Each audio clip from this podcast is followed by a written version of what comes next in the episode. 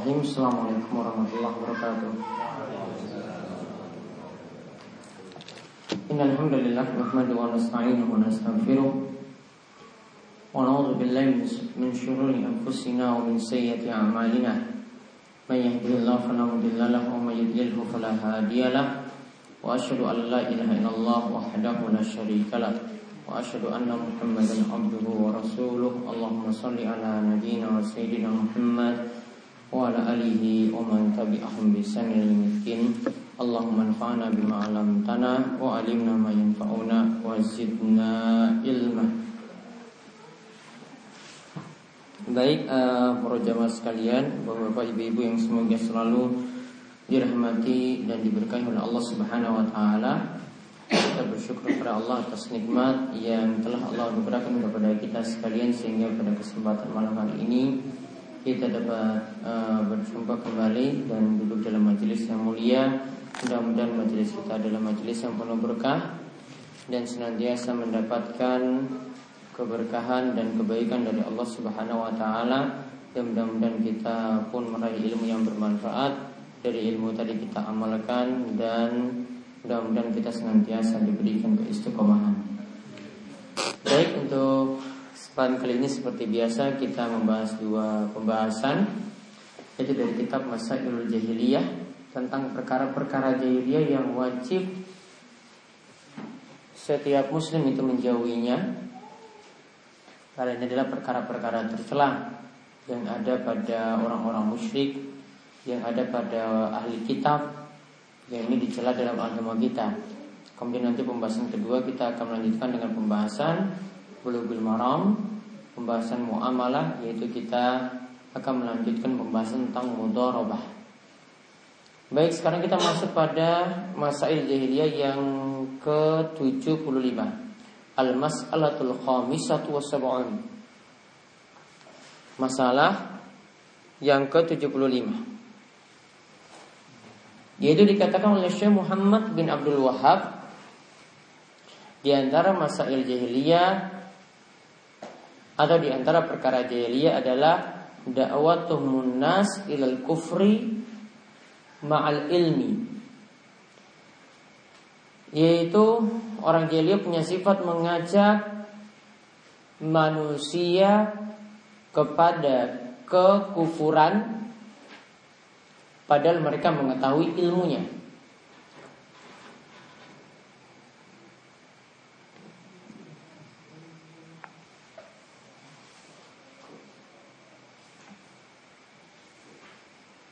Ya. Jadi mereka mendakwai manusia pada kekufuran padahal mereka mengetahui ilmunya.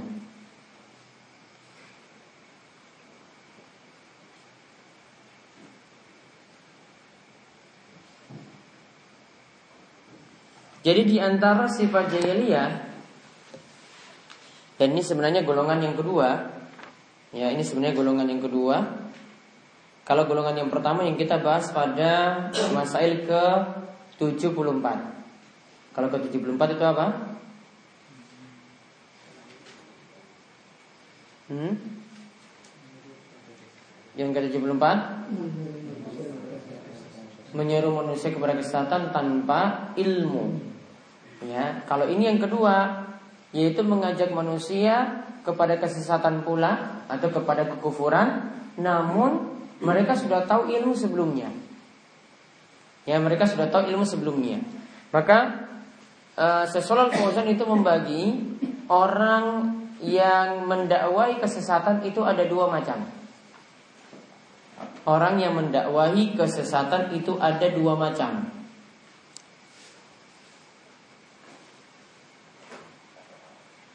Yang pertama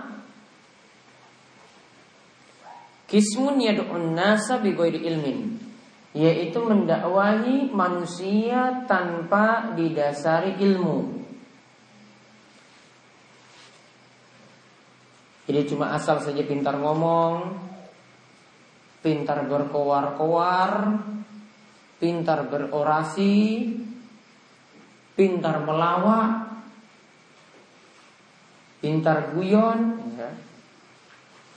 Tanpa ada dasar ilmu apa-apa, nggak pernah pakai dalil, ya, gak pernah pakai hadis, ayat Al-Quran pun gak hafal, yang penting bisa membuat orang itu senang. Nah ini macam yang pertama. Kemudian macam yang kedua, Qismun yad'un nasa ila mukhalafatil haqqi wa huwa ya'lamuhu. Yaitu mendakwahi manusia untuk menyelisihi kebenaran untuk menyelisihi kebenaran padahal ia sudah mengetahui kebenaran itu Padahal ia sudah mengetahui kebenaran itu.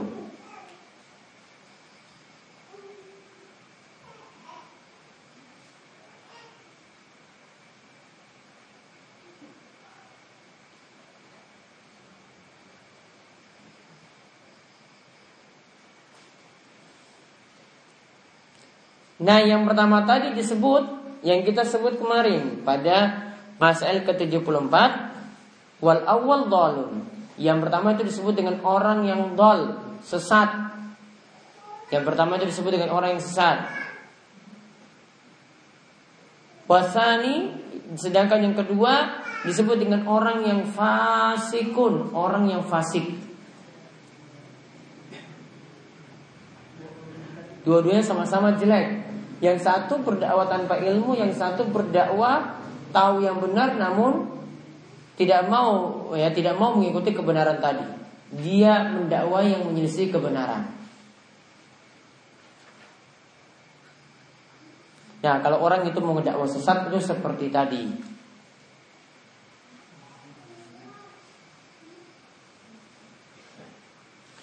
Contoh yang disebutkan oleh Syekh Muhammad bin Abdul Wahab di sini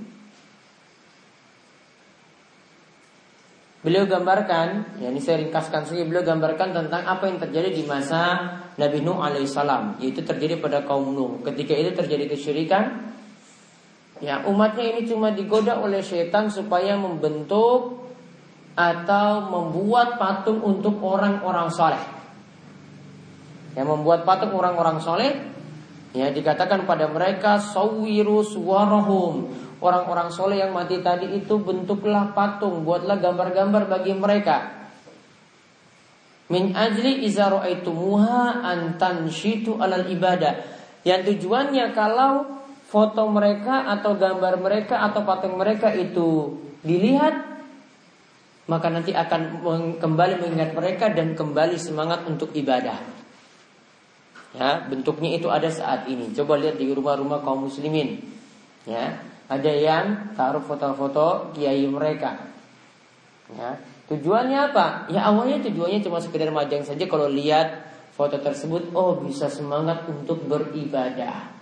Namun yang terjadi di masa silam Akhirnya orang-orang yang awalnya itu tujuannya seperti itu Ini meninggal dunia Datang orang-orang yang bodoh Yang tidak punya ilmu, tidak tahu Akhirnya patung-patung itu yang semula cuma jadi uh, ingatan saja untuk mengenang ya orang-orang soleh akhirnya disembah.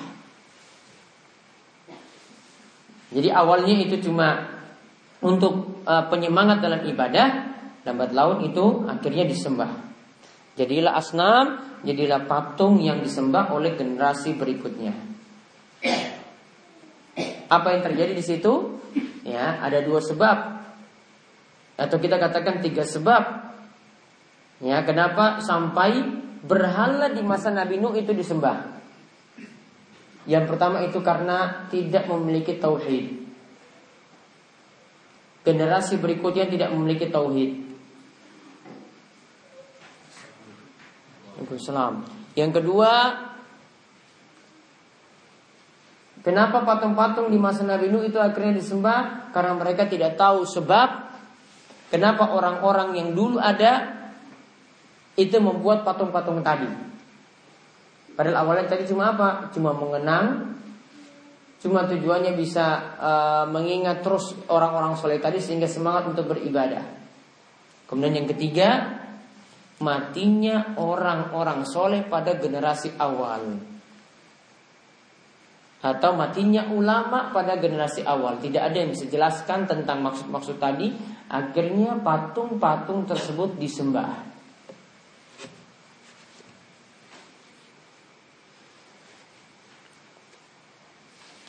Contoh yang lainnya lagi kata Syekh Muhammad bin uh, Syekh Saleh Al Fauzan, dakwah yang menyelisih kebenaran ini kadang menggunakan kata-kata kiasan yang tujuannya adalah membuat orang itu tertipu. Ya kata-katanya dibuat jadi bagus. Coba lihat kata beliau, kalau ingin agar kubur orang soleh itu disembah, mereka tidak katakan pada orang-orang yang datangi kuburan ubuduha, sembahlah kubur tersebut. Tidak dikatakan seperti itu. Namun yang dikatakan itu apa? Yang dikatakan haulai aulia ussolihin haula'i awliya wasalihun lahum makanatun indallah fa antum tuqarribu ilaihim min ajli ayyuqarribukum ilallah. Wa yakunu wasaid wa wasail lakum indallah. Yang mereka katakan itu bukan sembahlah kubur orang soleh tadi. Namun yang dikatakan apa? Ini adalah wali-wali Allah. Ini adalah orang-orang soleh di mana mereka punya kedudukan istimewa di samping Allah Subhanahu wa taala di sisi Allah. Maka dekatkanlah diri kalian kepada mereka orang-orang soleh tadi supaya kalian itu dekat kepada Allah. Jadi orang-orang soleh ini menjadi wasaid wa wasail menjadi perantara dan sarana atau penghubung kepada Allah Subhanahu wa taala. Tidak dikatakan sembah kuburan, namun dikatakan apa?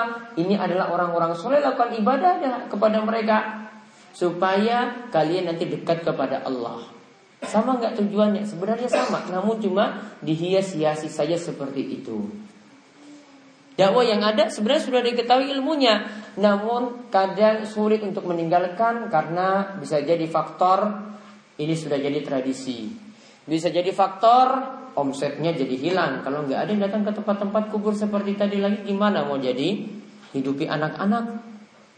Ya, omsetnya hilang, pasarnya hilang. Mau hidupi bagaimana? Uang ini aset wisata. Ya, ini jadi jalan untuk tambah devisa, devisa daerah, devisa negara dan seterusnya. Jadi dihias-hiasi dengan kata seperti tadi. Berarti cara untuk mendakwai kesesatan yaitu kadang yang sesat itu dihiasi dengan kata-kata yang indah supaya orang mau mengikuti kesesatan padahal sudah tahu sebenarnya itu adalah sesat.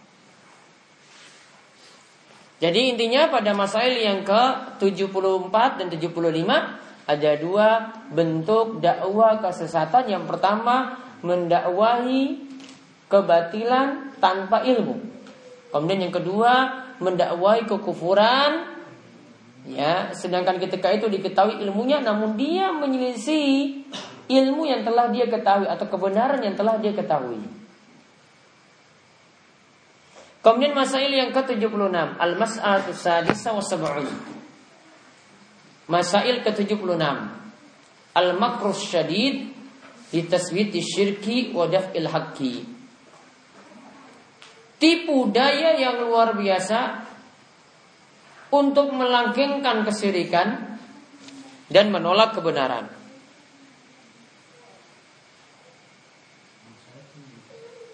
Jadi mereka buat tipu daya yang luar biasa untuk melanggengkan kesyirikan dan menolak kebenaran.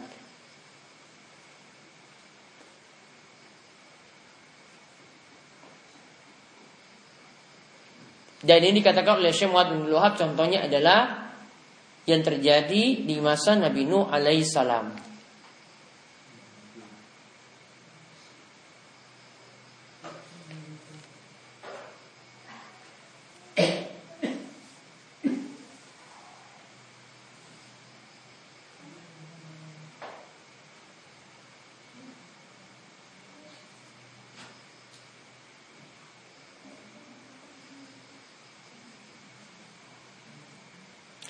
Kita langsung lihat ada penjelasan dari Syekh Soleh Al Fauzan di sini. Beliau katakan bahwasanya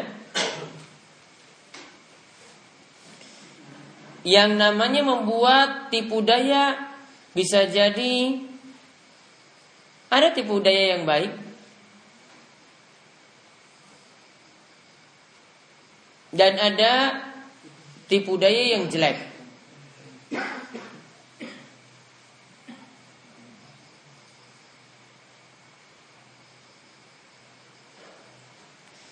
Kalau yang kita bahas ini adalah tipu daya yang jelek yaitu kata Syekh Soleh Fauzan dan makar atau tipu daya seperti ini ada dari dahulu sampai saat ini yaitu di mana orang-orang itu dipalingkan dari kebenaran diarahkan pada kebatilan. Atau mereka dipalingkan dari cahaya hidayah dipalingkan kepada kegelapan yang lawan dari cahaya tadi.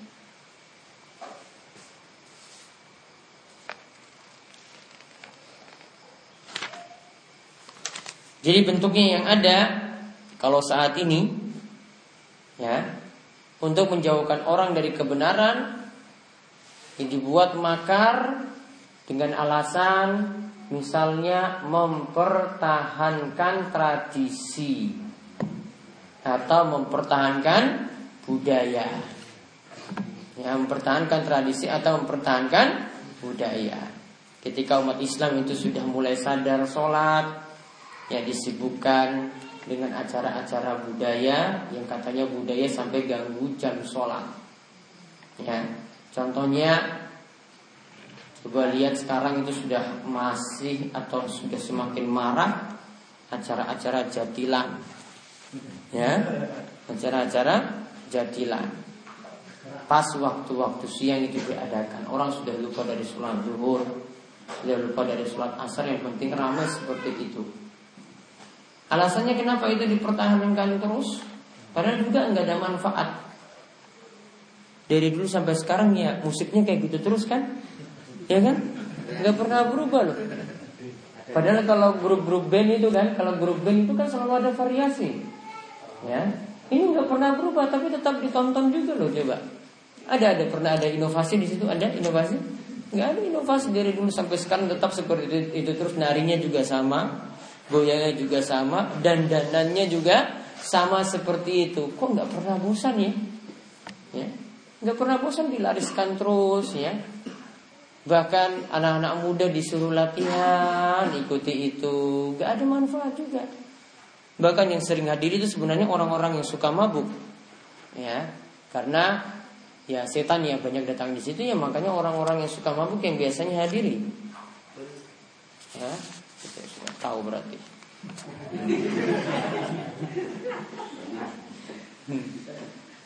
Orang-orang yang suka mabuk yang biasa di Padahal gak ada variasi dari dulu nggak ada manfaat. Nggak ada manfaat nggak ada datangkan kebaikan. Juga nggak datangkan kecerdasan ya. Juga nggak ada variasi-variasi sejak dahulu kayak gitu monoton terus. Ya, tapi kok didatangi terus gitu ya. Karena kalau orang itu kesurupan ya setan banyak datang ya. Orang-orang yang suka mabuk juga datang ke situ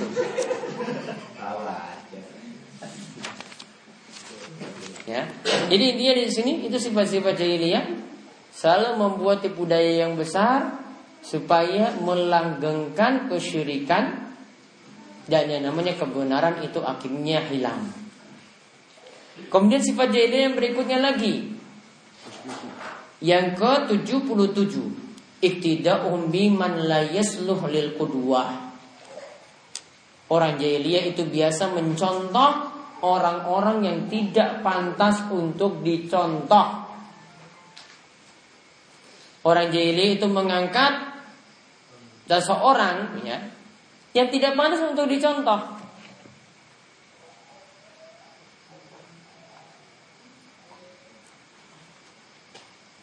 Kata Syekh Muhammad bin Abdul Wahab yang diangkat sebagai pemimpin mereka itu adalah imma alimun fajirun wa imma abidun jahilun. Ada dua orang yang biasa diangkat jadi pemimpin menurut orang-orang jahiliyah. Yang pertama, yang penting berilmu walaupun suka maksiat nggak masalah. Kalau orang saat ini ya, yang penting tidak korupsi. Yang penting tidak korupsi, mau jadi pendukung prostitusi, mau jadi pendukung minuman keras, mau buat sertifikasi untuk para pelacur, ya, membuat ya tempat khusus untuk melacur, Coba bayangkan kalau bikin sertifikasi untuk para pelacur coba. Ya taruhlah para pelacur itu sebelum mereka ini layani pasiennya, layani pelanggannya, ya. Layani pelanggannya ada tes kesehatan dulu. Ya, taruhlah ya seperti itu ya. Jadi untuk menyelamatkan pelanggannya itu dari AIDS.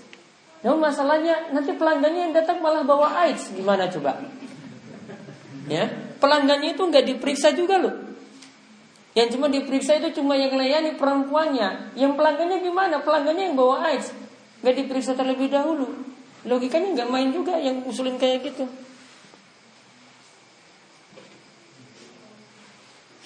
Atau di sini dikatakan abidun jahilun orang yang ahli ibadah namun bodoh nggak punya ilmu.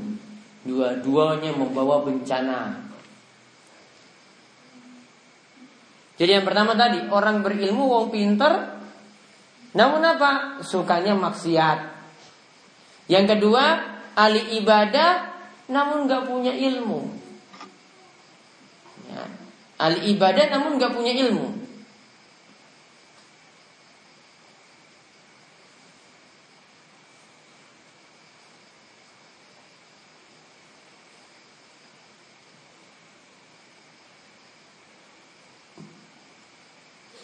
Sifat mereka itu bagaimana tadi? Yaitu di sini ada dua orang.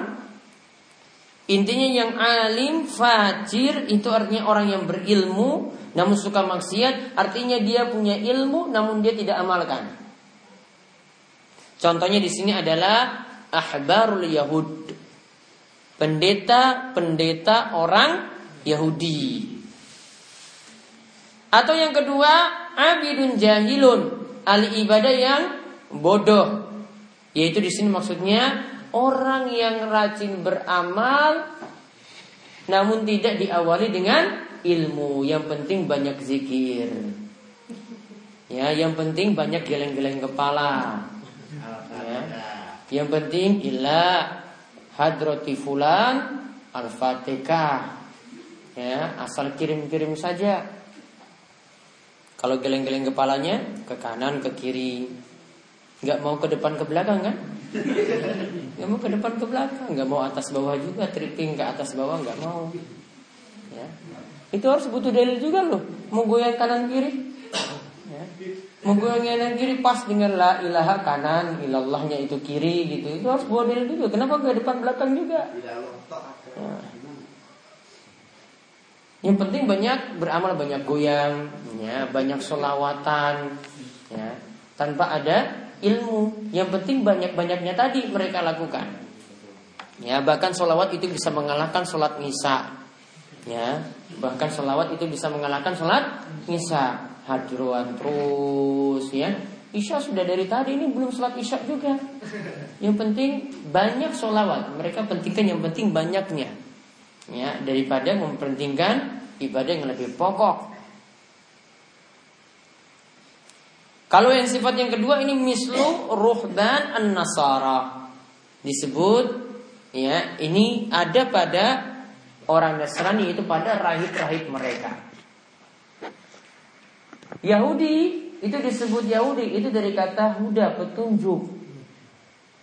Ya, dari kata huda petunjuk.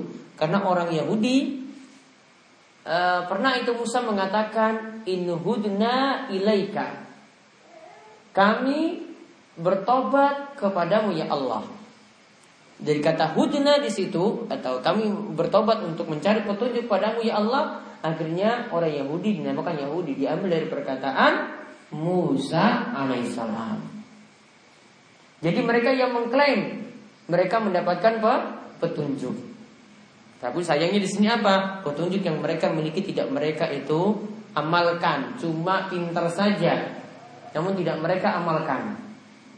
Dan penamaan Yahudi itu bukan dari Nabi Musa alaihissalam, juga bukan sebelumnya dari Nabi Ibrahim alaihissalam. Namun orang Yahudi namakan diri mereka sendiri Yahudi. Ya, bahasa Inggrisnya itu Zeus. Ya, mereka nama, namakan diri mereka sendiri seperti itu. Sedangkan orang Nasrani, orang Nasoro, Nasrani, ini berasal dari kata ansar, penolong. Kunu ansar Allah. Dalam ayat disebutkan jadilah kalian penolong-penolong Allah. Ya, karena pengikut Nabi Isa ini dituntut untuk menjadi penolong Nabi Isa alaihissalam, penolong Allah. Maka mereka disebut Nasrani. Yang artinya apa? Penolong tadi. Ya, sifat mereka tadi pokoknya asal ibadah saja namun tidak dasar ilmu. Coba Bayangkan coba, mereka buat doa makan, ya. Ini kalau orang-orang Nasrani itu beribadah, kalau mereka buat doa makan, itu doanya sendiri. Ya. Tidak pernah seperti kita yang sudah ada tuntunan Nabi SAW ajarkan misalnya sambillah makanlah. Mau doa naik pesawat juga mereka tidak punya tuntunan sendiri untuk doa naik pesawat coba atau doa naik kendaraan. Kalian cuma tundukkan kepala kemudian berdoa. Sedangkan Nabi kita Muhammad SAW petunjuknya jelas. Ya, petunjuknya jelas mau makan ada tuntunannya. Mau naik kendaraan juga ada tuntunannya. Semuanya itu jelas. Dengan mereka buat-buat sendiri ajaran-ajaran mereka. Ya, mau berdoa, mau tundukkan kepala, mau pakai lilin, ya. Ya, ketika itu tidak ada petunjuk sama sekali dari nabi mereka. Tidak pernah diajarkan oleh nabi mereka. Maka untuk membuktikan mana yang benar di antara Islam dan Nasrani misalnya lihat saja dari amalannya. Ya, lihat dari amalan yang mana yang pakai tuntunan, mana yang tidak. Ya, masa ajaran yang benar, ya, masa ajaran yang benar yang tidak ada tuntunan sama sekali manusianya yang buat amalan-amalan sendiri. Ya, tidak mungkin. Amalan yang benar itu pasti Nabi SAW itu memberikan petunjuk Oh ini caranya seperti ini untuk beribadah Oh caranya untuk berdoa seperti ini Oh ini caranya untuk berzikir seperti ini Semuanya dituntunkan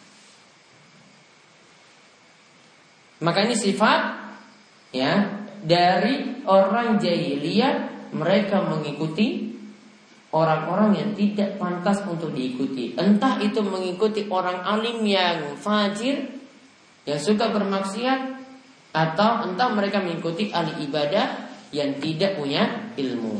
Nanti tentang penjelasan ayatnya nanti insya Allah saya sampaikan pada pertemuan berikutnya.